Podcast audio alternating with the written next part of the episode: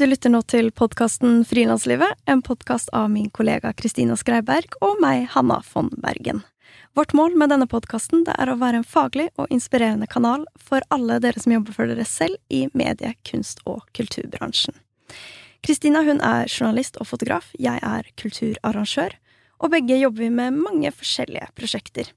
Vi er veldig glad i å snakke om hva det innebærer å drive for seg selv, og om det å skape, og kraften som ligger bak. Derfor lager vi denne podkasten, og vi håper at du har glede av den. Ukens annonsør er regnskapsprogrammet Fiken. Både Kristina og jeg har brukt fiken i mange år, og det er fordi fiken gjør det enkelt å føre regnskapet selv. I fiken så kan jeg nemlig sende fakturaer, ta bilde av kvitteringer med fiken-appen, jeg kan levere moms og næringsoppgaven, og jeg kan gjøre alt fra samme sted. Det gjør frilanslivet mitt lettere, rett og slett. Vil du prøve fiken gratis i 30 dager, gå inn på fiken.no. Tema for denne episoden det er digitalisering, og hva dette innebærer for oss som frilansere. Vi skal touche på de litt større trendene om digitalisering i kultursektoren, men vi skal også prøve å snakke ganske så spesifikt om ting som GDPR, passord, internettsikkerhet, og prøve å gi deg noen konkrete råd for hva du bør implementere og passe på når du deler det du skaper på internett. Dagens ekspertgjest er Torgeir Waterhouse. Han er tidligere direktør for internett og nye medier i IKT Norge, og han har også tidligere arbeidet i Forbrukerrådet. Han var med på å grunnlegge Lær kidsa koding, en norsk bevegelse med mål om å lære norske barn å kode. Han er sentral aktør i debatten om IT-politiske spørsmål, og har arbeidet med disse temaene i over 20 år. Så dette er altså en meget dreven kar på alt som har med digitalisering, kunstig intelligens, internett, sikkerhet og mye mer. Velkommen skal du være, Torgeir. Takk. Takk skal du ha. Veldig hyggelig å ha deg her. Vi skal jo begi oss ut på et ganske stort eh, tema, og jeg tenkte at vi begynner ganske åpent, og så beveger vi oss ganske konkret etter hvert i samtalen. Hva er det aller mest spennende som skjer om dagen i kultursektoren hva angår digitalisering?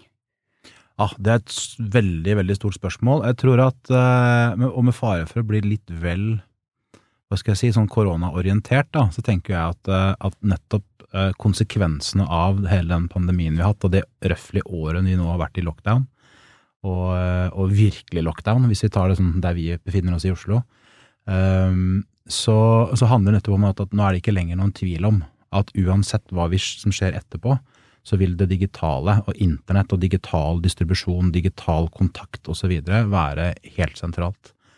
Og, ehm, og, jeg tror at øh, Kanskje feil å si tror òg, ta i litt mer. Altså, jeg er ganske trygg på at vi har jobba mye både med og mot og for og hva det måtte være. Nettopp dette at mange har ønska at vi ikke skal bli så påvirka av digitalisering som vi er i ferd med å bli, og, og som har ligget i korta lenge at vi skulle, ville bli. Uh, og så har det på en måte gått over litt nå, sånn at vi har fått kommet mer over i hvordan skal vi lykkes med dette, enn om vil vi dette. Og, og, så er det litt sånn type, på en måte litt sånn kjedelig administrativt og, og, og forvaltningsmessig nedi liksom det, der, det man helst ikke ser, da, eller ikke ser så mye på uh, i et kulturperspektiv. Men, men, det er kjempeviktig, for det legger så mye premisser for hva man skal gjøre utad fremover. Enten det er snakk om hvordan man jobber, hvordan man når noen, hvordan man skaper, hvordan man finansierer, hvordan man tjener penger osv. Så, videre. så den derre liksom premisset for Det er på en måte litt sånn som når man fikk TV. Altså, vi starta med teater, og så fikk vi film og kino.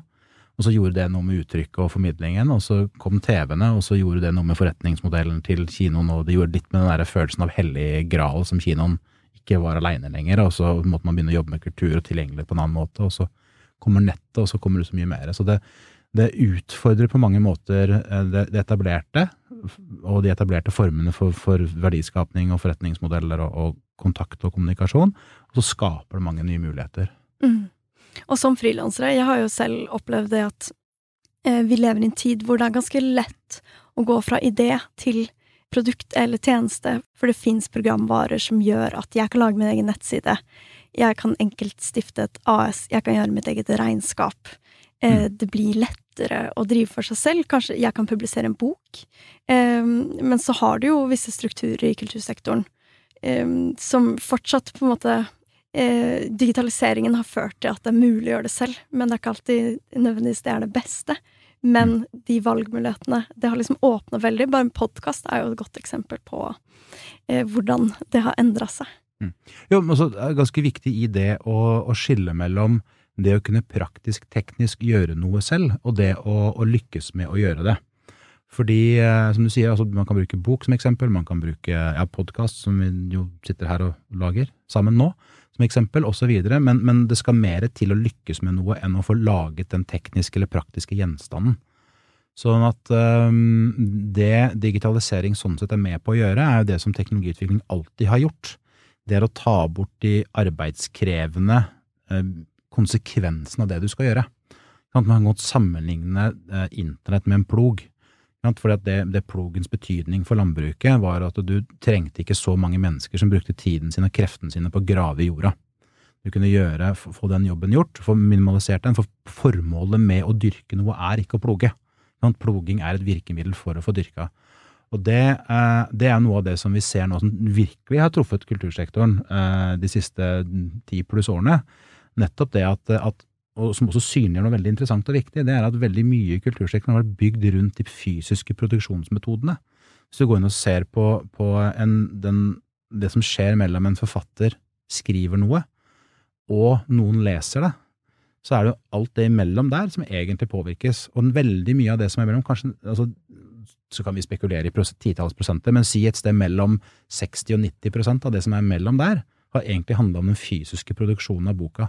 Og det å gjøre til skriften, hvordan den skal bli fram og tilbake mellom forfatter og andre, de som hjelper til, enten det er forlagsredaktør eller andre, og hvordan man skal begynne å ende opp med et design og fysisk frakte gjenstanden osv. Ha den på en hylle som noen må produsere, og noen må gå og passe på, ha åpningstid for bokbutikken osv. Altså alt det, alt det blir jo mer eller mindre eh, utfordra og eller overflødig av internett. Og, det er veldig vanskelig, fordi at veldig mye av identiteten og forståelsen for eget virke og egen skapende prosess er knytta til de prosessene som har vært der. Og tilsvarende, for, som er viktig for kultursektoren, og for også mediesektoren eh, og kunstsektoren, er jo nettopp dette med støtteordninger. Det norske samfunnet er jo gjennomsyra av og bygd på støtteordninger. Eh, og de er veldig kobla igjen til disse fysiske prosessene og mekanismene. Så man har, man har f.eks. momsfritak på papir for å gjøre det lettere å produsere og distribuere papirbøker og tjene penger på det. Mens egentlig så er jo det veldig rart i et kulturperspektiv, for formålet er jo ikke papiret og papirgjenstanden, med noen få unntak, hvor, hvor faktisk, den faktiske fysiske boka kan være altså, opplevelsen og, og, formidlingen og målet i seg selv. Men, men vi må, det utfordrer oss til å vri fokus på hva er det vi egentlig skal få til her, hva er det vi trenger å lykkes med? Fordi poenget med, for å da bli stående fast i bokverdenen, poenget med forfatterskap er ikke å trykke en bok på et trykkeri og frakte den i en kasse, mm. sånn at noen kan ta den ut av kassen og sette den på en hylle. Det er ikke derfor vi har forfattere. Eller for den del lesere. Så, så vi, og det er noe av det som kommer til å være veldig spennende fremover. Det er hvordan lykkes man med de overgangene? Hvordan lykkes man med å vri forretningsmodellene? Lykkes man med å vri støtteordningene? Og ivareta det vi i utgangspunktet har etablert de ordningene og forretningsmodellene for mm. å få til. Ja, for å skape. For liksom åndsverk er liksom, hva tenker du at vi som frilansere innenfor denne sektoren bør være bevisste på når det gjelder dette veldig uber-digitale samfunnet vi lever i? Det viktigste er å være bevisst på hva du, hva du skal skape av verdi, og for hvem, og hvorfor. Vi må komme oss forbi at vi er opphengt i eh, de praktiske og tekniske og fysiske egenskapene til distribusjonsverktøyene våre. For de er ikke formålet, og de er ikke poenget. Eh, de har selvfølgelig en innvirkning på både den skapende prosessen og opplevelsen av å konsumere noe og, og observere noe. Men, ja, og ikke minst også økonomien. Men, men, eh, men, men, det er også noe med at eh, problemstillingen er ikke at, man, at det er lett å tjene penger fysisk og vanskelig å tjene penger digitalt. Problemstillingen er at vi har modeller og logikk og kunnskap og erfaring osv. som stammer fra 100 pluss år med fysisk distribusjon og vi er midt i overgangen til den digitale distribusjonen, um, som gir helt andre muligheter, stiller helt andre for, krav og forutsetninger. Men så, så, driver vi fremdeles og baler med at ja, men det, det, passer ikke med hvordan vi gjorde det før. Og for å være utrolig banal, og kanskje til og med provoserende, du er rimelig nedsnødd hvis du tror at det er viktig for et taxiselskap å fortsette å anskaffe høy etter at man går fra hestedrosje til motorisert drosje. Mm. Er det nå- det, syns du kultursektoren gjør det? La meg si det sånn at kultursektoren, som alle andre sektorer som blir truffet så hardt og så plutselig, eh, eh, på noe som egentlig treffer det som er ikke er kjernen i det man driver med, så, så ja, eh, man står fast der. Veldig mange diskusjoner står fast der. Um, og, og det er fullt forståelig, fordi at det er veldig få som egentlig er eksperter på de underliggende og omkringliggende eh, fagområdene til det man selv driver med. Altså, når vi nå på en måte lager en, spiller en podkastepisode, er det du sitter her for, det er å være god på å, å kurere det og komme opp med relevante temaer, finne relevante gjester osv. Du skal ikke være god på teknologien som ligger mellom mikrofonen og en lytter et eller annet sted, og alt det som skjer mellom der. Men i det øyeblikket det skjer noe mellom der, så påvirker det. Og nettopp det at vi kan sitte her i dag med å lage en podkast, er jo en konsekvens av internett. Hadde ikke hatt internett, fått som vi har fått, og fremdeles holdt på med FM og A, så det hadde vært en helt annen måte ting å gjøre det på. Alt hadde vært annerledes. Så det å se det, det er helt avgjørende. Og det å ha respekt for og forståelse for at de som lager den nye teknologien, ikke nødvendigvis har dybdekompetanse om en eller annen sektor og forretningsmodell eller støtteordning, og det å ha respekt og forståelse for at de som er inni en, eh, en sektor, eh, ikke har eh, erfaring med og kompetanse om og, og, og for en del lyst de nye teknologiene som kommer, det skal man også ha respekt for. Så vi- er i en omskiftende fase, en vanskelig fase, og hvor mange ser noe vanskelig, nemlig at eh, den pengestrømmen de er vant til, den måten de er vant til å planlegge på, den måten de er vant til å møte publikummet sitt eller den betalende kunden på, selv om det ikke er, ofte ikke er den samme som publikummet, den er i dramatisk endring, og det skal endres noe du ikke vet hva er. Mye usikkerhet, eh, mye komplisert, eh, mye forflytning av makt og prestisje, og i kultursektoren så er jo det spesielt viktig, selv om få har lyst til å snakke så høyt om det og så videre. Så, så det er en komplisert prosess vi står midt oppi sammen. Mm. Og jeg sammenligner det ofte med den, det døgnet hvor Sverige, man gikk fra venstrekjøring til høyrekjøring i Sverige, eh, hvor det har skjedd noe eksternt. Det har skjedd noe som no, noe som noe er beslutta, som bare treffer, og du har ikke noe valg. Og så må du stole på de andre, du aner ingenting om deres motivasjon, intensjon og kunnskap og forståelse, men du må bare satse på at det går bra. Og så er det ikke at du må satse på at det går bra, men du må satse på at det går bra hele tiden. Også når du er en sliten sjåfør som kjører i mørket på autopilot og du ikke ser noen ting, og kanskje bare fordi du er vant til det, kjører på venstre side av veien ut av et kryss istedenfor høyre side av veien, som du skulle ha gjort.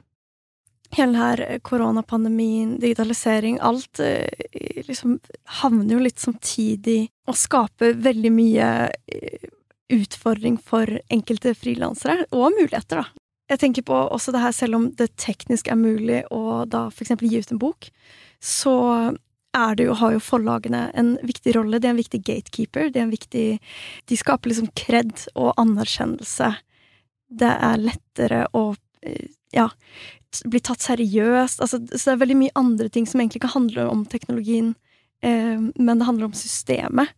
Og systemet er tradisjonelt, selv om nå digitaliseringen har på en måte beveget seg til et sted hvor det er fysisk mulig å egentlig bare lage noe og slippe det ut. Mm. Mm. Ja, og det der er jo noe av det som alltid skjer, eh, og så varierer det hvor intenst det skjer, og, og hvor lenge det foregår over, og alt det, men, men alltid skjer med teknologiskifter, er at du får den type ting. Altså den type mekanismer.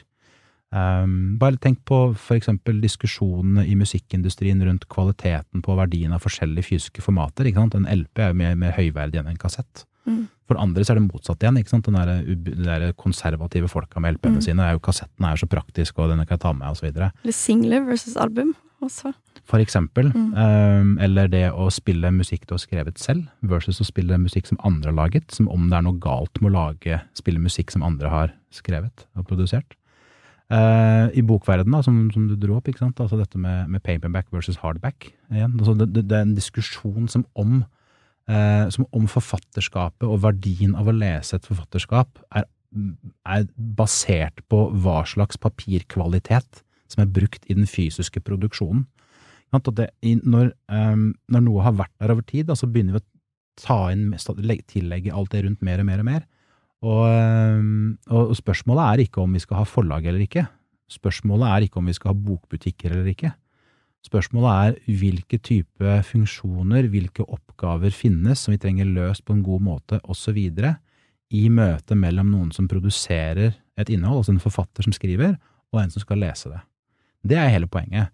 Og at vi da i dag har etablerte strukturer, som du sier, hvor annet forlag fungerer som gatekeepere, det, det er jo en konsekvens av måten det har vært organisert på gjennom mange, mange, mange år. Det er ikke gitt at det er det på samme måten seinere. Vi kan tilsvarende si at det er også helt andre gatekeepere der ute nå for, for bøker. Og, og, det er helt andre konkurrenter eh, for bøker enn det var før. Før så var på mange måter en konkurrent eh, den geografiske avstanden og barrieren. ikke sant? Altså vi, hvis det var lettere for meg eh, å gå på den lokale puben og kjøpe en øl, enn å, eh, enn å, dra til nabobyen for å prøve å finne en bok som bokbutikken ikke hadde inne, ja, så var det egentlig salgshinderet for forlaget og for forfatteren. Eh, at boka ikke eksisterte der jeg befinner meg, og jeg kanskje heller bruker tiden min på puben med en øl sammen med noen venner. Eh, I dag så er det sånn at alt dette er like lett tilgjengelig overalt, fordi særlig i et land som Norge hvor alle har så, såpass god økonomi, og alle har i realiteten smartdevicer og har internett og hva det måtte være. Så det er jo kanskje tiden som er største begrensningen.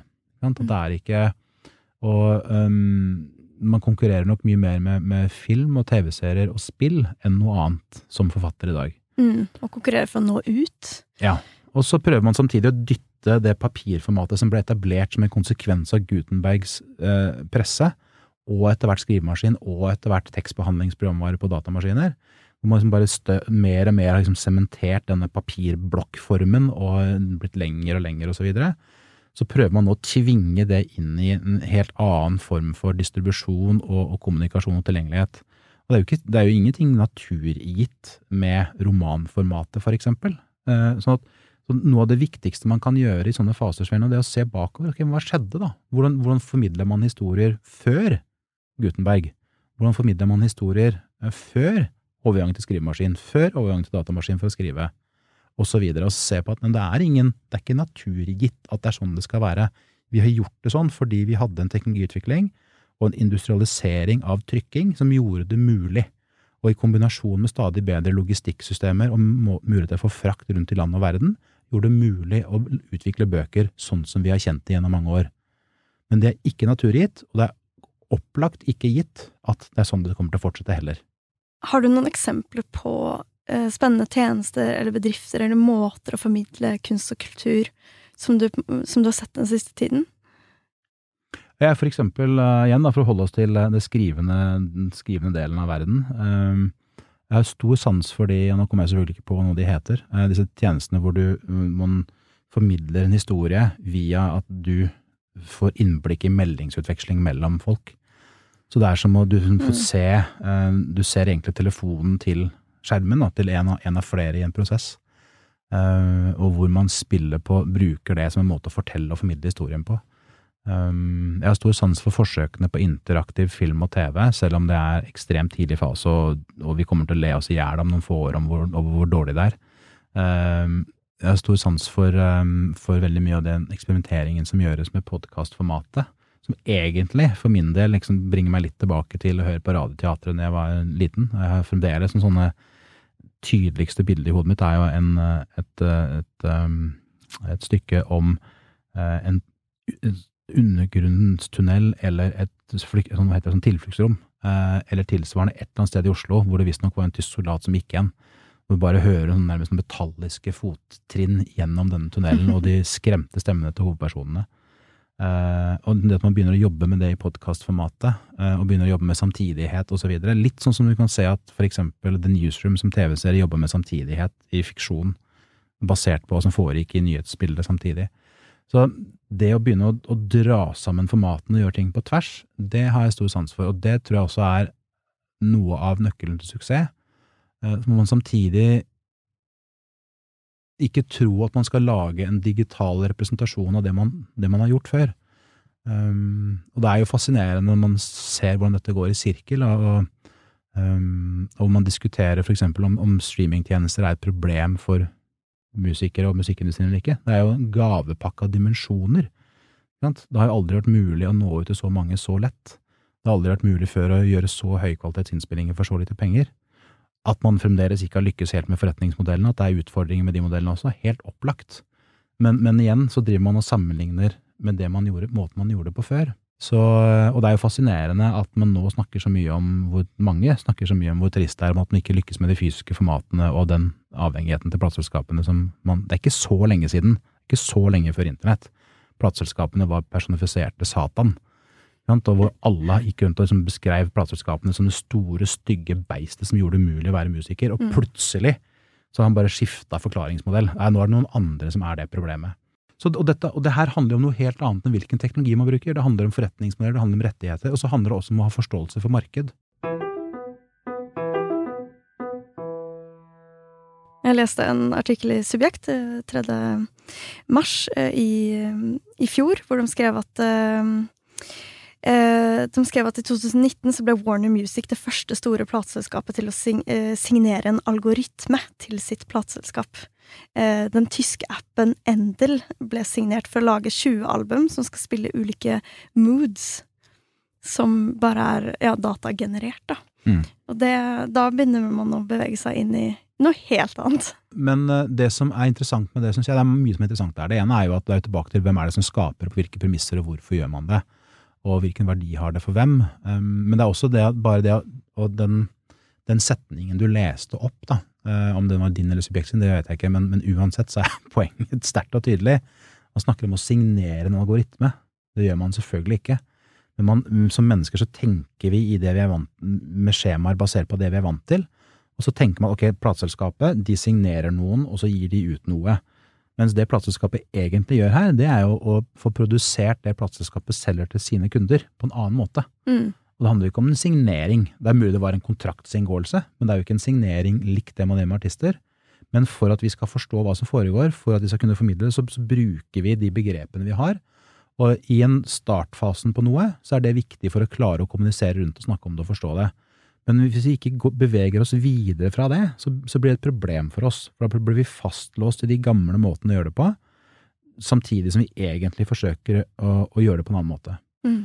Og, det der er en, så, egentlig et veldig, veldig godt eksempel på uh, hvordan vi skal håndtere oppstarten av noe nytt, men samtidig passe på at ikke vi ikke blir stående fast der og ødelegge for oss selv. Og så kan man jo spørre seg, da, for kunst og kultur og samfunnsutvikling og alle elementer og dimensjoner man kan legge på der, er det bra? Er det dårlig? Er det for den som skal lytte til musikk, så burde det jo antagelig være ett fett. For den som skal skape, og for det kreative, så er det ikke gitt at det er så bra. I hvert fall ikke for den som skal gjøre det. Altså, hvis du kan velge, som musiker velge mellom å bli arbeidsledig fordi en algoritme gjør jobben din, eller fortsette å, å være skapende, mm. så er, vil du selvfølgelig det siste.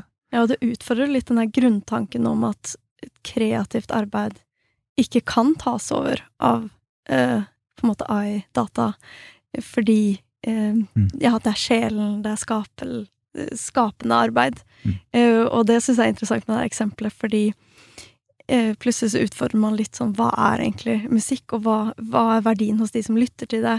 er det greit at det er mood blue, og så hører man på 20 låter, og så er man fornøyd, men man bryr seg ikke helt om hvem er det egentlig som lagde det. Mm. Eller er det eh, Det kan godt hende at det er totalt motsatte. Som, det er det vi er vant til, da. At man bryr mm. seg veldig mye om hvem er det som synger. Er det den personen som har skrevet låtene, som vi snakka om i stad? Er det autentisk, genuint? Eh, er det fiolin man hører? Er det en ekte fiolin? Alle de her tingene. Det er mange måter å se og tenke rundt det og vurdere det på. Jeg vil si at i hvert fall En tilnærming man kan ha til det du sier der, er jo at eh, det der er proteksjonisme av verste sort. Den som har monopol på å skape musikken, forsøker å bygge et språk og en tilnærming rundt det, og ved å si at derfor er det bare jeg som kan gjøre det. For det er, det er, som du sa, autentisk og genuint. Og hva betyr egentlig det?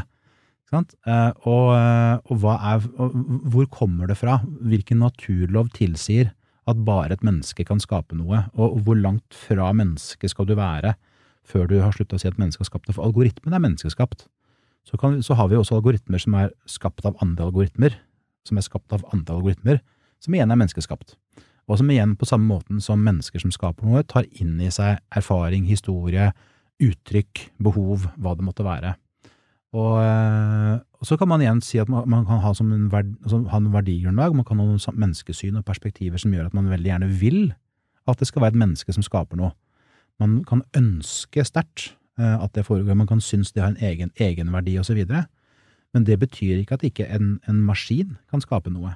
Mm. Og, og, det er hele tiden, og det er en av de elementene vi kan se i dette, da, er jo nettopp, og det er en av utfordringene for kultursektoren, kanskje særlig kultursektoren, er nettopp dette med ok, når er det vi faktisk blir så konservative som det vi hevder å være en motkraft til?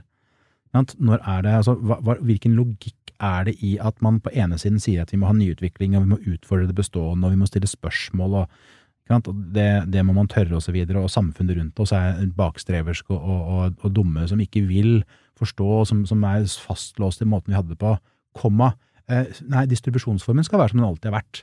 Vi skal ikke ha mm. noen endringer i, skap i min skapelsesprosess. Jeg skal ikke bli utfordra en annen måte å skape på, for det er jeg som er den som er den kreative skaperen. Så, så den, den, dimensjonen der er utrolig interessant. Um, og min tilnærming vil være at uh, hvis noen kommer og sier at det må være et menneske som skaper et musikkstykke for at det skal fungere, for at det skal være kreativt, for at det skal være utfordrende, for at det skal ha verdi for noen, så er det bare tull. For det må det ikke være.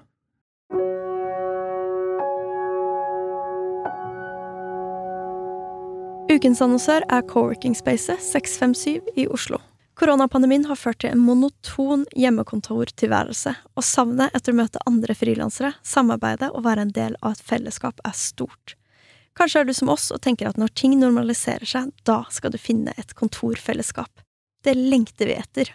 Vi vil anbefale deg å sjekke ut 657, for de retter seg nemlig mot oss som er i den kreative bransjen. De har en egen mentorordning, slik at du kan utvikle deg. De har foto- og podkaststudio til en skikkelig sympatisk pris, og de tilbyr fleksible løsninger for deg som kun trenger et sted å sitte et par dager i uka. Sjekk ut 657.no.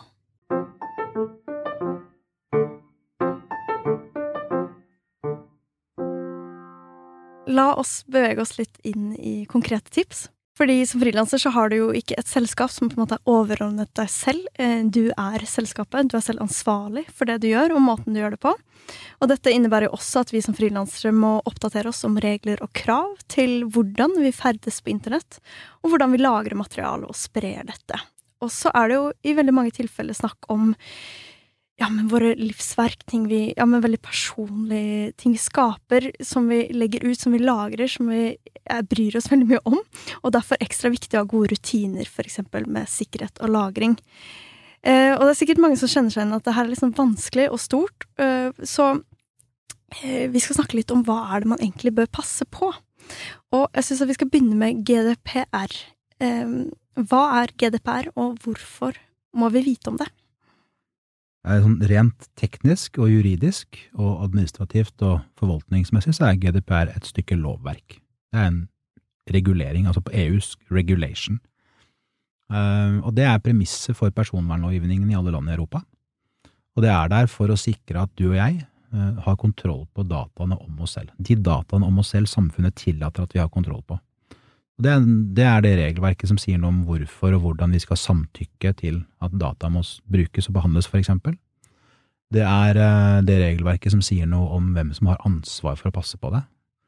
Så at hvis eh, du som tilbyder av, en, av noe, for eksempel en arrangør, som du jo sier du er, kulturarrangør, eh, har et online-system for å melde, på et, melde seg på et arrangement som du har, så har du ansvaret for at de dataene som noen putter inn i det skjemaet, behandles i tråd med regelverket som finnes i bunn, og i tråd med det de som melder seg på, har samtykket til.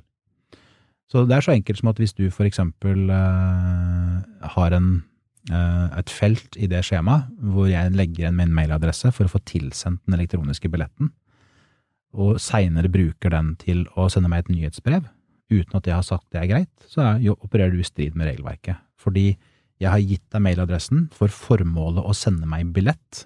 Jeg har ikke gitt deg mailadressen for formålet å sende meg informasjon som du ser på som, som verdifull, osv., som jeg kanskje ser på som støy. Mm. Og, det, og poenget er at det er mitt valg. Det skal jeg ta stilling til. Og det er en misforståelse der ute at GDPR og personopplysningsloven finnes for å hindre bruk av data. Det gjør det ikke. Det, det finnes for å fasilitere god bruk av data og lykkes med bruk av data, men i et samspill med den som dataene er om, så vi, den, den personen, tilfellet jeg, skal ha kontroll med hva du får lov til og ikke får lov til med mine data. Og så stiller du noen sikkerhetskrav til det. Og så er det, når du er i den rollen som du er i da, som arrangør, så er det også viktig at du er bevisst på blant annet alle de forskjellige variantene du trakk opp av det som kan være komplisert å forstå, er jo også hvorfor skal du ta vare på disse dataene. I Norge så er vi veldig mye fokus på konfidensialitet. At ikke uvedkommende skal få tilgang. Man er livredd for det. Og Hvis du tenker tilbake til de fleste nyhetssaker du har fått med deg, eh, særlig hvis det er sånn kjapt der og da, type på TV, men noen blir intervjua foran et kamera med mikrofon, og det har vært et dataproblem på et sykehus, så spør de nesten alltid om har uvedkommende fått tilgang til dataene. De spør nesten aldri om er dataene fremdeles tilgjengelige for den som skal gjøre operasjoner. Eh, ble noen skada underveis i behandlingen fordi at dataene var utilgjengelige osv. Folk kan dø på operasjonsbordet hvis IT-systemet er nede, men perspektivet i Norge er hvem hadde tilgang til de dataene. Mm. Så i et IT-sikkerhetsperspektiv og personvernperspektiv så snakker vi om det vi kaller på norsk KIT, engelsk CIA, konfidensialitet, integritet og tilgjengelighet. Og GDPR, altså personvernregelverket, stiller egentlig krav til alt sammen. Fordi eh, hvis jeg har data liggende hos deg, så har også du et, eh, jeg en rettighet til at de skal være korrekte, og du har en plikt til å sørge for at de er det. Så det betyr at jeg blant annet har rett til innsyn i data du har om meg, og jeg kan korrigere de. Og det kan ikke du si nei til. Altså, du må faktisk legge til rette for at hvis det er en skrivefeil i mitt navn, så skal det rettes opp. Og det har jeg en rett til at skjer. Og så er det mye snakk om samtykke. Og i utgangspunktet så er det sånn at samtykke det er noe vi bruker når det ikke finnes noe alternativ. Fordi um, samtykke er jo både kan være komplisert, uh, det skal være også informert for at det skal være lovlig. Det betyr at jeg skal forstå hva jeg samtykker til. Men i mange sammenhenger, f.eks. hvis du er ansatt et sted, så fungerer jo ikke samtykke. For Du kan ikke ha et samtykkebasert eh, grunnlag for at arbeidsgiver skal vite hvor du bor, og hva som er kontonummeret ditt. Eh, og Derfor så har man de arbeidsavtalen, så man avtalefester og regulerer med avtale. Noen ganger så finnes det egne lover. Så Politiet for eksempel behandler jo ikke data om deg hvis de etterforsker deg basert på samtykke fra deg. Og da gjelder jo heller ikke innsynsretten. For, eller retten til å korrigere. Nei, jeg var ikke, det står, jeg ser det står i rapporten deres at jeg befant meg på åstedet. Det gjorde jeg ikke. Jeg skriver at jeg befant meg et annet sted. Det ville jo ikke fungert. Så det er et regelverk som er der for å ta liksom den store Det er jo et det er, det er virke, Vi kan snakke her i 78 timer om dette. eh, minst. Men, men, poenget er at det er et regelverk som er der, som stiller tydelig krav til den som skal behandle data. Mm. For det heter behandle når vi gjør noe. Og den som får dataene sine behandla, har plikter. Nei, men unnskyld, rettigheter. Og, uh, og, det er essensen i det, for å sørge for at vi skal lykkes med å bruke data i verdiskapning. Og lykkes med å bruke digitale tjenester i vårt samfunn. Mm. Er det noen typiske feil som, som du ser ofte hvis Um, som ja, bedrifter eller uh, frilansere gjør, som uh, du tenker at man gjør uten å egentlig vite mm. at man gjør feil? Altså det, det, det, mest typiske er nok at man bruker data til noe annet enn det man har et lovlig grunnlag for å gjøre. Altså Eksempelet mitt fra påmelding til, eller kjøp av billett til nyhetsbrev. Uh, at man gjenbruker bilder i andre situasjoner enn det det gitt tillatelse til. Jeg kan ha samtykket til at du bruker et bilde av meg til et formål i en sammenheng, og så bruker du noe annet i tillegg. Um, eller at man gjenbruker andres uten å være klar over det. Og så er det jo hele tiden gråsone. Det er også det man, for å sikre dataene godt nok. For eksempel det, hvis du har dårlig passordpolicy dårlig passordhygiene, så sikrer du ikke dataene godt nok eh, som du trenger å gjøre, for eksempel. Mm. Eller hvis du har liten bevissthet på hvor du lagrer data, eh, så sikrer du dem ikke godt nok. Mm. Og det kan være et problem i forhold til personvernet. Det kan være et problem i forhold til din egen virksomhet. altså Du taper all verdien i bedriften fordi at du taper dataene dine. Det kommer jevnlig opp historier for eksempel, om forfattere som har blitt frastjålet laptopen, eller musikere som har blitt frastjålet laptopen som den nye, store produksjonen var på. Jeg lurer jo alltid på hvor sant er det egentlig, at det bare var der. Eh, for det kan jo hende at det er en beleilig måte å slippe å forklare at man egentlig ikke har skrevet den boka på. Eller den ble egentlig jævlig dårlig, så den må jeg passe på at forsvinner. God unnskyldning. Ja, men, eh, men igjen, så det handler jo om å ha forståelse for det. Og dette er igjen litt tilbake til, til, eh, til veldig mye av altså at vi har erfaring med det fysiske. Men vi har ikke nødvendigvis erfaring med det digitale på samme måten, så vi har ikke innebygd i oss og, kollektiv empiri på, og, og på, hvordan vi skal løse ting. Mm, og det er ikke noe man egentlig lærer fra noe sted. Man lærer det, eller sånn, det er ikke noe som er en del av uh, Kanskje for fotografer så har de en del snakk om det, men uh, veldig mange utdannelser som er kunstneriske eller utøvere, utøvende, uh, går ikke i, i detalj på IT-sikkerhet og lagring nødvendigvis. Nei, men jeg tror nok at det kommer til å ikke, og ikke nødvendigvis i detalj, men, men, man kommer nok til å berøre det i større grad i, i, mange spesialiserte utdanninger fremover enn det man gjør i dag. Mm. Fordi at dette blir viktig. Altså, hvis, du, hvis du ser tilbake på, um, på uh, mange av utdanningene, både sånn i, i det løpet man har vært i selv, eller historisk, så lærer man jo veldig mye praktisk om verktøyene sine. Man lærer å vaske pensler, for eksempel. Man lærer å oppbevare et maleri på en sånn måte at det ikke tar skade av å stå på et vått gulv man lærer Noen ganger så ønsker man det jo, at det skal bli påvirka av elementene, men det er en annen sak. Sånn at eh, dette, alt det digitale må inn i den, kall det stacken av verktøy man får kunnskap om, og har verktøykompetanse om, og domenekompetanse om, Mm. for å lykkes med det, det som er sitt virke. Men eh, essensen i alt det som går på IT-sikkerhet og personvern, er at du skal ha kontroll på dataene, både av hensyn til de du forvalter data om, men også hensyn til egen virksomhet og egen effektivitet. Og det er jo så enkelt som at hvis du bruker et ineffektivt system, så bruker du tiden din på at systemet er ineffektivt, istedenfor å bruke tiden din på å være skapende. Hvis du kan automatisere noe på en sikker måte, så betyr det at ikke du trenger å bruke tid på det lenger. Det trenger ikke bety at man, å, det er så gøy med teknologi, og teknologien liksom er det viktigste. Det handler faktisk om hvordan kan du legge til rette for å jobbe på en god måte. Og Da er vi igjen tilbake til det å være frilanser i dag. Masse verktøy som du kan bruke, som er rundt på nettet, og som tilbys til forskjellige prismodeller og forretningsmodeller og forskjellige sikkerhetsnivåer osv. Mm. Viktig at man er god på å bruke det. Du nevnte jo regnskap, så kan man legge til prosjektstyringsverktøy, lagringssystemer, backup-systemer, bildesystemer. Det er masse man kan bruke. Nettsider nevnte det sosiale medier. Man kan gjøre veldig mye forskjellig, men bare pass på at man liksom forstår hva man gjør. Forstå forskjellen på å bruke, ha noe i produksjon, altså noe man baserer driften sin på, og noe man bare prøver ut. Eh, forstå forskjellen på, på det å putte data der som du har råd til å tape, og data du ikke har råd til å tape. Eh, forstå forskjellen på at det er litt ubehagelig eller dumt at det er på avveie, og at det er ulovlig at det er på avveie, og så Mm. videre. Så, og, og så er det noen sånne enkle grep. Du snakket om sånne tips, og, og sånn. det er noen Ja. veldig enkle grep man kan gjøre. Man kan begynne med, for det er også noe av utfordringen i dette bildet. ikke sant? Man blir gjerne, sånn, blir gjerne trukket opp hvordan organisert kriminalitet og Putin er ute Ja, etter å man blir rote til litt blir litt handlingslamma, for det virker som at man må ha en stor bedrift som har noe eget IT-system som er supersikkert. Men de alle frilansere bruker jo Google Drive eller Dropbox. Ja, Og da Supre verktøy. Ja. men, men det er litt viktig å huske på at det er noen andre i det norske samfunnet enn du og jeg som skal beskytte kjerneteknologien i Norge mot Putin, Mm. eller mot organisert kriminalitet. Og så er det sånn, uansett hva du gjør, hvis organisert kriminalitet har lyst til å ta deg, så klarer de det. Så da, det trenger du ikke å tenke så mye på å beskytte deg mot, men det du heller må tenke er, jeg skal ha, bruke systemer, og jeg skal ha rutiner, og jeg skal ha en praksis og en tilnærming som ivaretar det jeg kan gjøre noe med. Og så er det sånn at dette handler veldig mye om å raise the bar. Tenk på det som en bilalarm. Det er ingen bilalarmer i verden som hindrer meg å knuse et bilvindu. Men hvis det er to biler som står på gata, og den ene har alarm og den andre ikke har, så vil jeg antagelig velge å knuse vinduet på den som ikke har. Og veldig mye av IT-sikkerheten for frilansere og for oss som privatpersoner, og særlig småbedriftene, handler om det. Hvordan kan du løfte noen få steg? Hvilke grep kan du gjøre som gjør den til en bedre situasjon? Alle frilansere eh, kan starte med å passe på at de holder utstyret sitt oppdatert. Har du en iPhone, så har du for eksempel en rød sirkel på AppStore-appen hvor det står et tall med hvite bokstaver, hvor det står noe om hvor mange apper du ikke har oppdatert. Det skal du gjøre noe med. Det, tenk på det som en klovnenese. Du, du vil ikke gå rundt og være en klovn, med mindre det er å være klovn er yrket ditt, da, selvfølgelig. Men, eh, men bare pass på, hold ting oppdatert. Fordi oppdateringene inneholder veldig ofte, nesten alltid, fiksing av sikkerhetsfeil som er kjent.